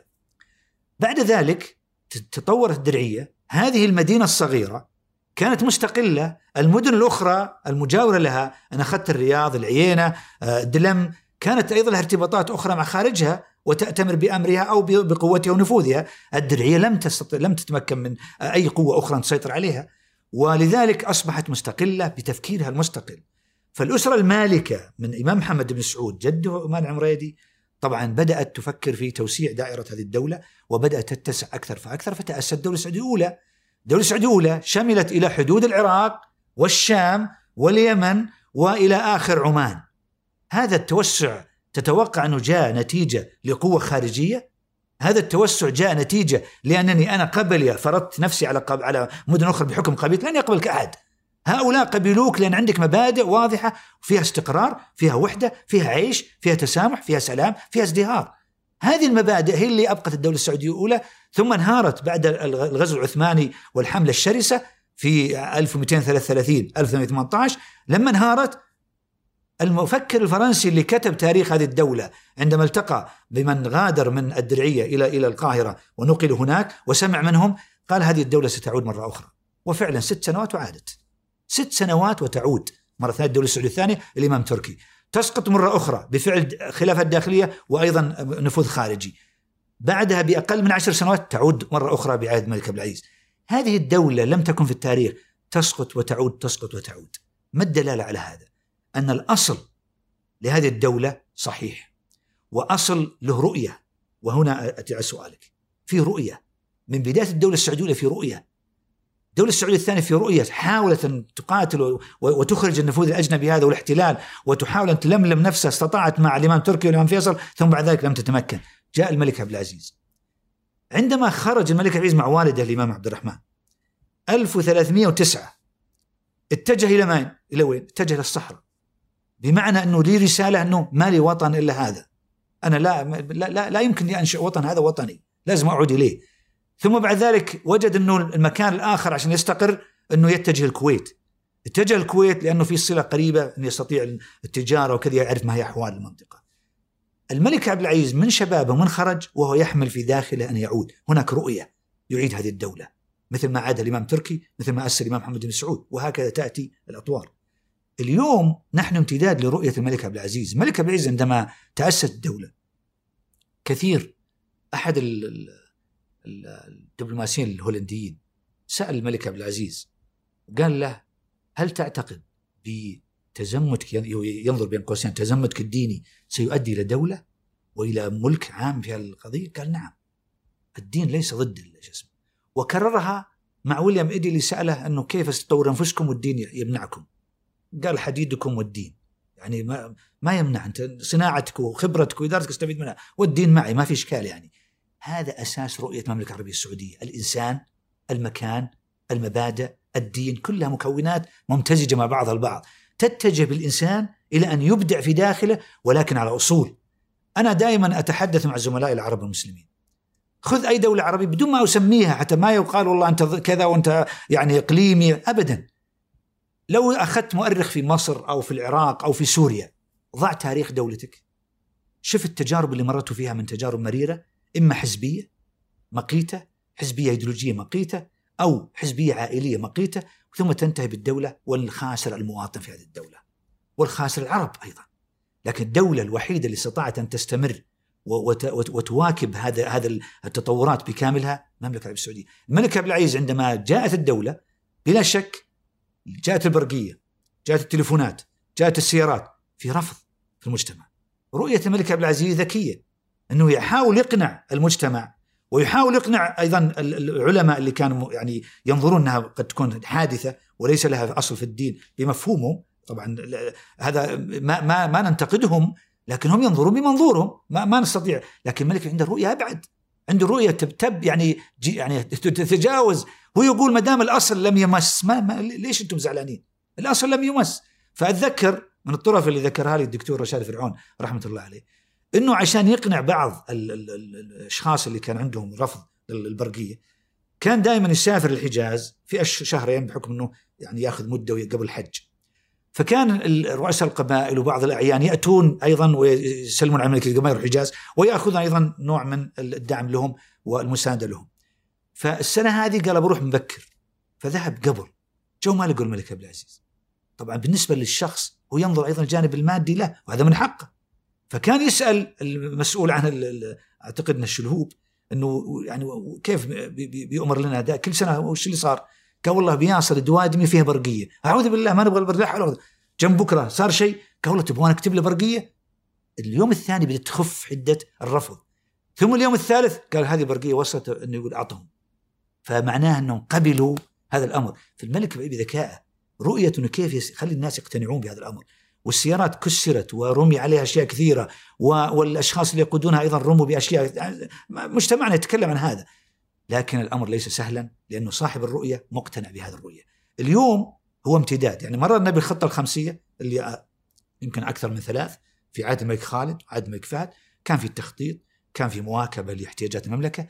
في هذا العهد العهد السلماني وعضيده الأمير محمد اختلفت الظروف. الذي يحكم على أن رؤية 2030 هي إعلان فشل سابق هذا مخطئ ومجانب للصواب. هي امتداد للسابق وتكيف مع القادم بمعنى أنه في رؤية شاب بخبرة الملك بخبرته الطويلة في الحكم وأيضا علاقته بالدولة من فترة طويلة من عهد المؤسس. هذه الخبرة مع الرؤية الشابة مع الرؤية المؤطرة بمهنية صحيحة وفيها قيم واضحة ومرتكزات واضحة أدت إلى المملكة تدخل مرحلة جديدة. هذه المرحلة علينا كمواطنين أن نساندها أن نصبر عليها لأن البعض يقول يا أخي ما شفنا شيء ولا قد تكون مؤلمة في بعض أجزائها لكن المؤلم اليوم بكرة سيكون سعيد. أنت تريد أن تنتقل إلى مرحلة جديدة في تطورات عظيمة جدا حواليك لازم تصبر ولكن مدام في قيادة واضحة في قيادة راسخة في اعتماد على الله مع الشباب البلد في أيضا اهتمام بالوطن في كورونا عرفنا هذا الشيء أكثر وإحنا ما عندنا شك في دولتنا لكن نشوفه قدامنا في التعليم في المنجزات الاقتصادية في إنقاذ الاقتصاد كموارد يعني يمكن أزمة اقتصادية حدثت في عهد الملك فيصل في اولها وكيف عالجوها وكيف في عهد الملك فهد آخر أيضا صارت أزمة. الدولة تستطيع أن تواكب ظروفها. هذا هو قوة وعنوان لقوتها وليس عنوان لضعفها. آه ما شاء الله. أنا لو داري أبو عبد الله كان بديت بهالسؤال وخليته هو محورنا. ما شاء الله تبارك الله. لأنه فعلا حديث ممتع ويستاهل حلقة ثانية نخصصها بس الله عن تاريخنا. آه، بنتقل لأسئلة الأصدقاء. آه، هذا يقول إنه آه، يتبادر لي وللكثير أن دراسه البلجيكيه تركز على تراث منطقة نجد والأحساء بشكل يعني مكثف وفي ضعف في توثيق آه، مناطق الجنوب الباحة عسير جازان. وش رأيك أبو عبد الله؟ أنا أقول هذا غير صحيح. ومع احترامي الشديد لمن ذكر هذا الكلام أنا بس بطلب من شيئين. ارجع لقائمه إصدارات الدارة اللي بلغت 407 إصدار حتى اليوم. شوف وين تركيز. متنوع تاريخ قديم حديث كلاسيكي آثار جغرافيا اجتماع جنوب وسط شرق غرب كل مكان. هذا أنا يعني أحسن الظن فيه من قال الكلام لكن ربما لا, لا, لا لم يطلع على الأمور. اليوم والأمس الوطن كله في قلب الدارة والدليل على هذا ممكن أيضا إذا لو زودك بعنوانه نرسل له كتاب مسح المصادر 16 و26 إذا وجد المنطقة مهملة أنا مسؤول. جزاك الله خير. آه هذا يسأل ما هي نظرتكم المستقبليه لتخصص التاريخ؟ وهل سيكون له دور في تحقيق رؤية المملكه 2030 وفق التطلعات المستقبليه؟ هذا السؤال آه، إذا عندك وقت بيطول عليك شوي. يعني ودنا باختصار عشان نلحق على الإجابة والله شوف آه، الداره في مجلس الإدارة السابق أقرت آه، أقر المجلس اجراء دراسة لتطوير المدرسة التاريخية السعودية. ولا شك إنه تطوير أي علم لا يتجه إلى العلم يتجه إلى كيف تستخدم العلم. وكون لجنة من مؤرخين وباحثين وتم الاستعانة باستشاريين خارج المملكة وداخل المملكة ثم بعد ذلك لما أعدت الدراسة عرضت على لجنه استشاريه من أساتذة زملاء في التاريخ ومنهم مدراء جامعات ومنهم متخصصين وأساتذة بدرجه أستاذ وأخذنا مرئياتهم مشكورين والآن هي في قيد التعطير النهائي لتقديمها إلى المجلس الإدارة لإقرارها وهي كتوصيات ليست ملزمة لأحد هي توصيات ما يتعلق بالداره ملزم ولكن ما يتعلق بالجامعات أو الإعلام أو غيره هذا يكون توصيات. اليوم نحن نعيش تحول. تحول مثل ما تشوفه في رؤية 2030 وفي سياسة خادم الحرمين سمو ولي عهده. تحول في كل شيء. تحول في النظام في اللائحة تحول في الإطار الإداري تحول في الإطار الاجتماعي تحول في التفكير تحول في العمل تحول في كل شيء. تحول في يعني معظم مفاصل هذه الدولة. التاريخ هو واحد من الأشياء وهو كعلم يعتريه ما يعتريه. ليس بسببه كعلم. وإنما بسبب من يقوم بهذا العلم. ولذلك المدرسة التاريخية تعاني وأنا أقولها بكل صراحة المدرسة التاريخية والاجتماع العلوم الإنسانية عموما تعاني من ضعف شديد وعدم مواكبة للمستقبل. ولذلك نحن بدأنا نعلق الجرس بالتاريخ ثم انتقلنا للعلوم الإنسانية وكان لي لقاء مع فريقي مع معالي وزير التعليم العالي التعليم في شأن أنه نتعاون مع الجامعات للتفكير في هذا الموضوع. العلوم الإنسانية والتاريخ تحديدا مرت بمرحلة سردية مرحلة تقليدية وما أنجز على العين والرأس ليس انتقادا له ولكنه خدم مرحلة. اليوم لابد يتحول إلى شيء جديد. في عرف العلوم الأخرى في أي بلد في مدرسة يسمونها ريفيجنزم اللي هي إعادة قراءة إعادة تحويل. وهذا يعتري كل حتى النظريات في العلوم السياسية وغيرها فعلم التاريخ واحد منها. فالذي تقوم به الدار الآن هو حراك لارتقاء بالمدرسة التاريخية السعودية لتواكب رؤية 2030 وتنطلق بأكثر سواء في التعليم الجامعي دراسة عليا البحث التحفيز النشر المصادر الإتاحة المؤسسات زي الدارة كلها منظومة متكاملة الدارة دراستها كاحتمالات إنها تتطور. وهذا إن شاء الله بيكون فيه يعني تطوير لها. العلوم الإنسانية بنفس الشيء لابد أن نعترف جميعا كمتخصص في العلوم الإنسانية. إن مطالبون أن نتحول في رؤيتنا للعلوم هذه اليوم قبل بكرة.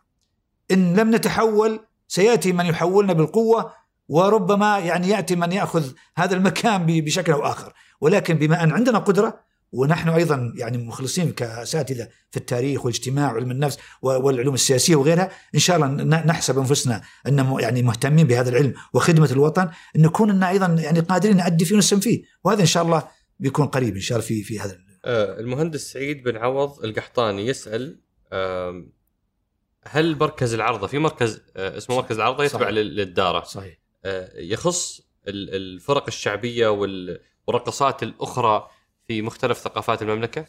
هذا طبعا مركز الوطني للعرضة السعودية اللي اسس كان يستهدف جزئيتين، الجزئية الأولى العرضه السعودية الرسمية. وهذه طبعا كما تعلم هي عرضة الدولة والمناسبات الرسمية في أي مكان فلا بد وهي تشمل عرضات المملكة كلها وهي النموذج والرمز وهذا شق نعمل عليه الآن في دراسه استراتيجية له وتطوير فرقة الدرعية وتأهيل الفرق الأخرى لتكون في كل انحاء المملكة لتؤدي العرض السعودية. الشق الثاني العرضات المحلية. وهذه في التعاون مع وزارة الثقافة آه، في هيئة المسرح والفنون. عفوا الأداء. ولدينا الآن تفاهمات كبيرة معهم على أن أيضا الفنون الأدائية العرضات المحلية ستكون أيضا ضمن الاهتمام. والعرض أنتم سجلتوها في اليونسكو كتراث غير ملموس. الرسمية نعم سجلت في يونسكو والآن أيضا في وزارة الثقافة تعمل على هذا والدار شريكة معهم في الموضوع. أبو عبد الله هل حاليا يتم توثيق مرحلة التغير والتحديات اللي جالسين نعيشها في ظل رؤية السعودية 2030؟ طبعا هذا مشروع من ضمن الرؤية الجديدة لتطوير المدرسة التاريخية السعودية والعلوم الإنسانية لأنه أيضا في شريك معنا العلوم الاجتماعية وعلوم النفس والعلوم الأخرى الإنسانية. لا شك إنه مهمتنا ستكون سهلة ولكن يبدو إن المسؤولية علينا ستكون أكثر في انها تعطير منهجيه مناسبة للتوثيق والتحليل.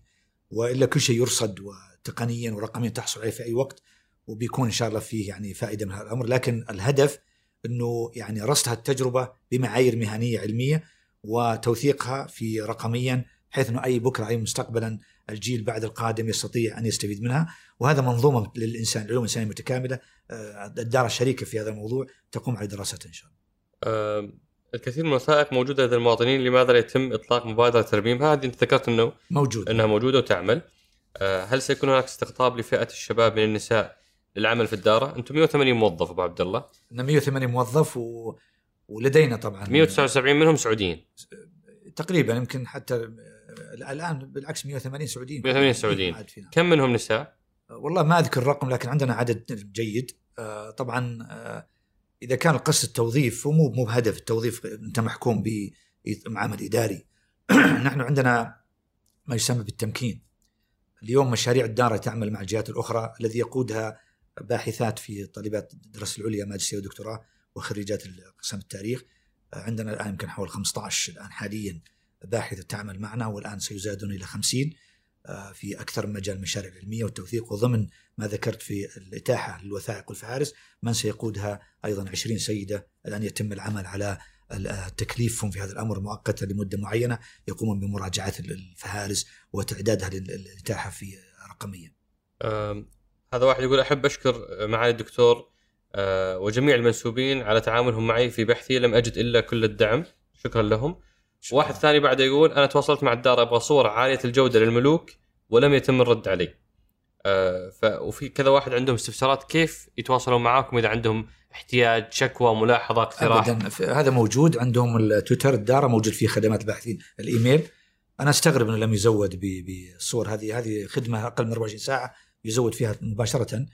آه، لكن إذا كان عنده شيء عشان بس مستعجل ممكن انفو الدارة دات اور دات اسي يرسل لنا الطلب حقه بشكل عاجل ثم يحول على اليوم خدمة الباحثين مركزية ما عاد في مجال.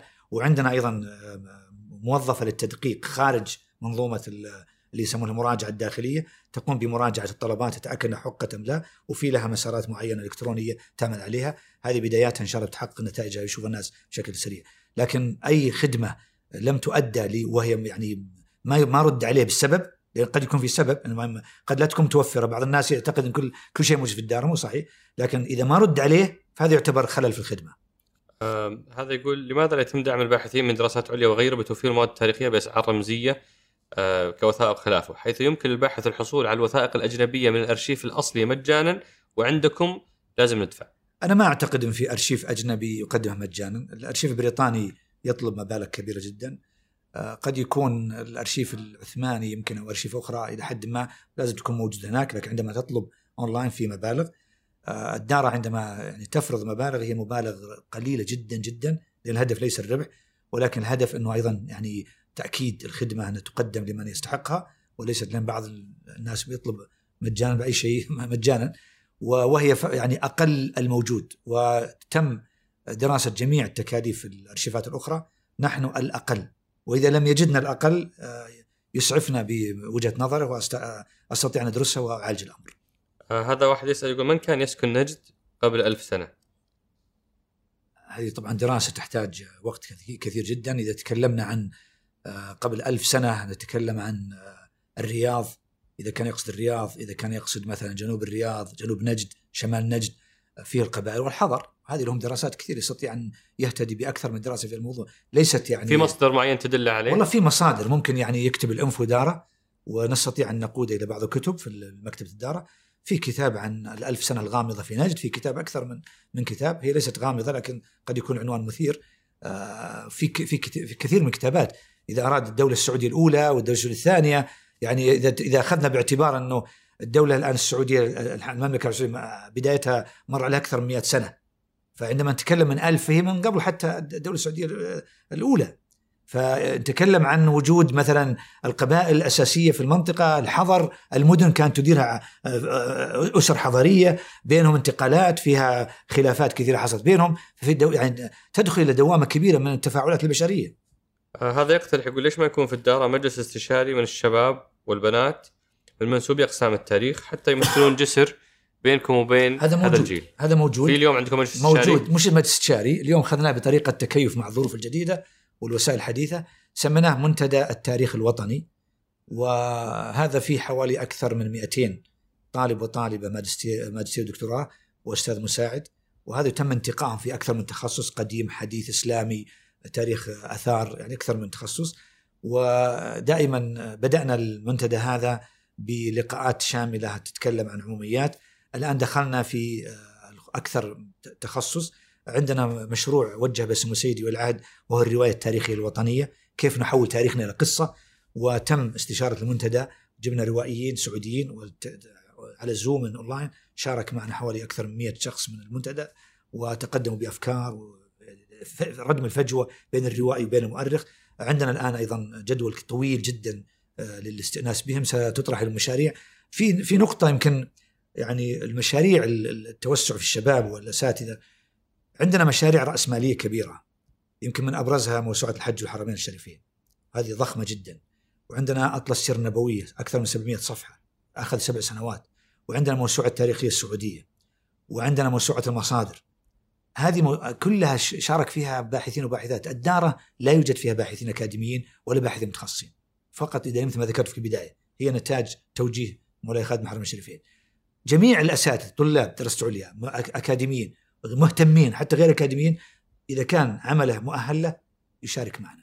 وهم هم عماد الدار وعملها. يعني. دعني أختم هذا الحوار الشيق أبو عبد الله بسؤال عن والدنا وقائدنا الملك سلمان الله يحفظه اللي عاصرته أنت في مراحل عديدة وهو اليوم رئيس مجلس إدارة الدارة. ما الذي يمكن أن تخبره يعني للمستمعين عن قائدنا والدنا الملك سلمان الله يحفظه؟ كثير. كثير لأنه هي أثمن تجربة مرت في حياتي فعلا. أثمن تجربة مرت في حياتي. لأنه أنت قد تلتقي بأشخاص شخصيات مرموقة في العمل وتنتهي بكل أدب وتنجز أو لا تنجز حسب عاد أدائك. لكن شخصية خادم الحرمين الشريفين الملك سلمان العزيز يحفظه الله شخصية مختلفة. شخصية تتيح لك التعلم. شخصية يعني لماحة. يعلمك بشكل غير مباشر. ينتقدك بشكل غير مباشر. يضعك في الموضع وأنت في مسؤولية لتخرج بنفسك. وأنا أتذكر يعني كثير من الأمور لما يعني أتشرف بزيارته في المكتب الله يحفظه كنت دائما يعني أحاول أخذ رأيه في شيء قبل أن يظهر. كان ينتبه لهذه النقطة. لأنه يريد أن يكون دفاع لي. لو ظهر صار انتقاد والله طويل العمر شافه يعني خلاص أنا عندي اطمئنان. كان يقول لا. كنت في كتاب أول ما بديت في تجربة العمل الكتب لما ننهيها النشر قبل النشر أشوفها ثم بعدين عاد تتجه مطبعة. فكنت قدمتها طويل العمر قلت عشان تقرأها احفظك لأنه قارئ يعني متميز لا لا يجارى. قال الكتاب مطبوع. قلت لا طال عمرك. قال خذها. قلت ليش طال عمرك؟ أنا ابي أبيك تشوفه ولا في ملاحظات. قال لا لا. اطبعوه. هذا نتاجكم. إذا في ملاحظات أقولها بعد طباعه أنا ابي أبي الفك على ما يقولون هذا درس تعلمته. كأني طويل العمر يقول لي يعني أنت الآن قاعد تبغى تستخدمني كدفاع لك ويعني نوع من الضمانه لك لا.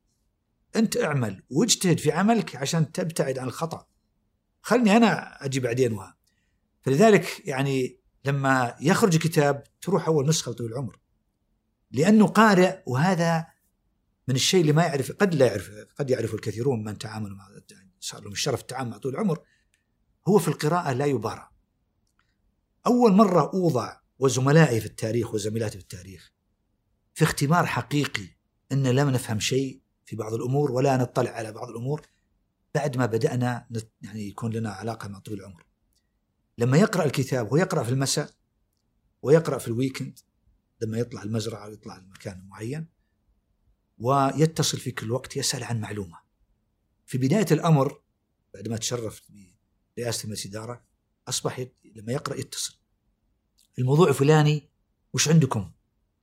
أنتم وش رأيك فيه؟ أفاجئ ما عندي شيء. يعني أنت دكتور أكاديمي وقاعد تقرأ هذه ومعلومة بسيطة ما تعرفها هذه ولدت عندي إني لازم أسلح نفسي بيتصل أي لحظة. لابد اكون على الأقل يعني فبدأت أتجه القراءه أكبر. وزملاء كثيرون زميلات لا يقرؤون. والله هذه موجودة. والله لا يقرؤون. وعندما يوجدون في منصة لالقاء محاضرة ويلقى عليهم سؤال يعني يرتبكون. أنا حظظت وبعض الزملاء اللي استفادوا من تجربة سلمان بن العزيز إنه اتجهنا القراءه أكثر سنقرأ.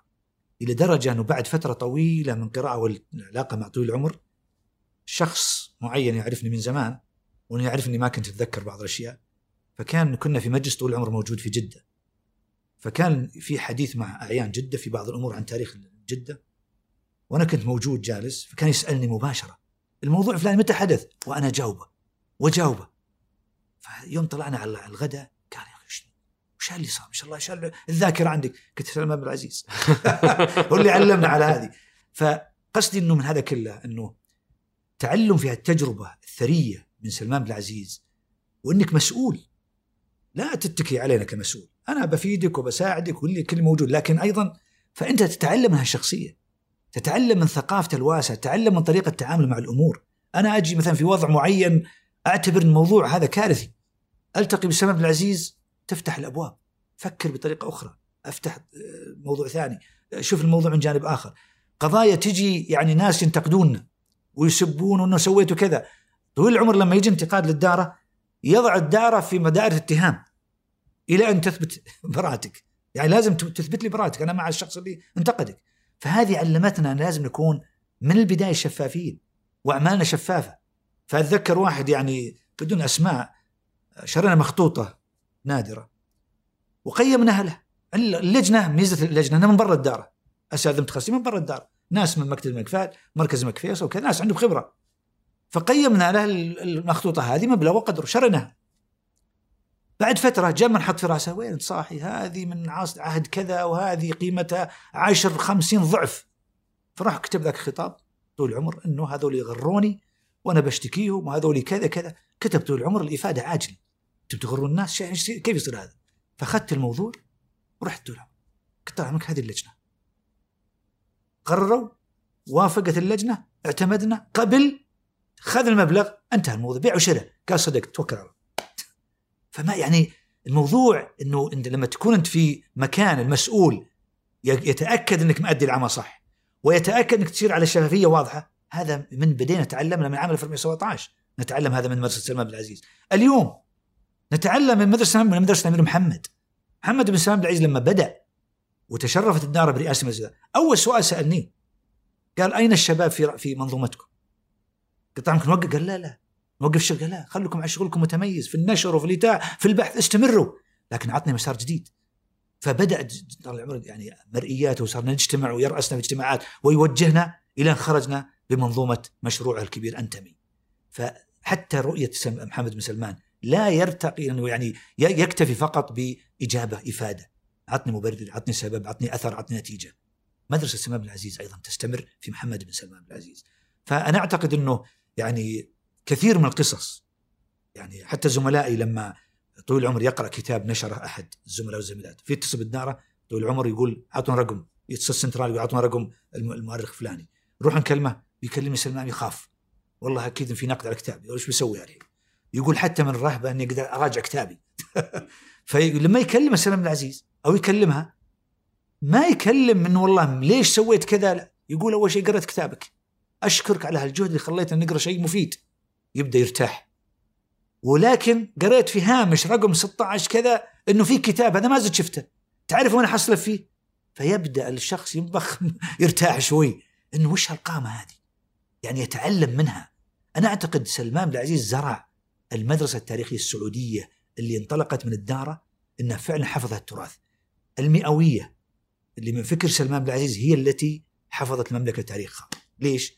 لأنه لما جاءت مناسبة المئة عام كنا مشغولين بالتنمية والطفرة والتراث التراث هذا يعني ما ما ما له اهتمام. أنا أعتقد إنها أعادت القوة للتاريخ والانتماء الوطني. هذه المناسبه المهمه فما بالك لما تكون الدار أيضا يعني واحدة من مخرجات نتائجه يحفظها الله واليوم أيضا هي في عناية سمو سيدي والعهد أيضا إلى ما أبعد وأكبر إن شاء الله. آه شكرا لقبول الدعوة أبو عبد الله ونتطلع إن شاء الله تعالى لمشاهدة يعني نتاج أعمالكم وشراكاتكم مع الجهات التنفيذية حتى يعني يصل هذا الإرث التاريخي العظيم لشباب وبنات هالبلد. إن شاء الله شكرا لكم وشكرا للجميع اللي تحملنا على الوقت الطويل. بالعكس شكرا لك أبو عبد الله ما قصرت شكرا. الله يبارك فيك.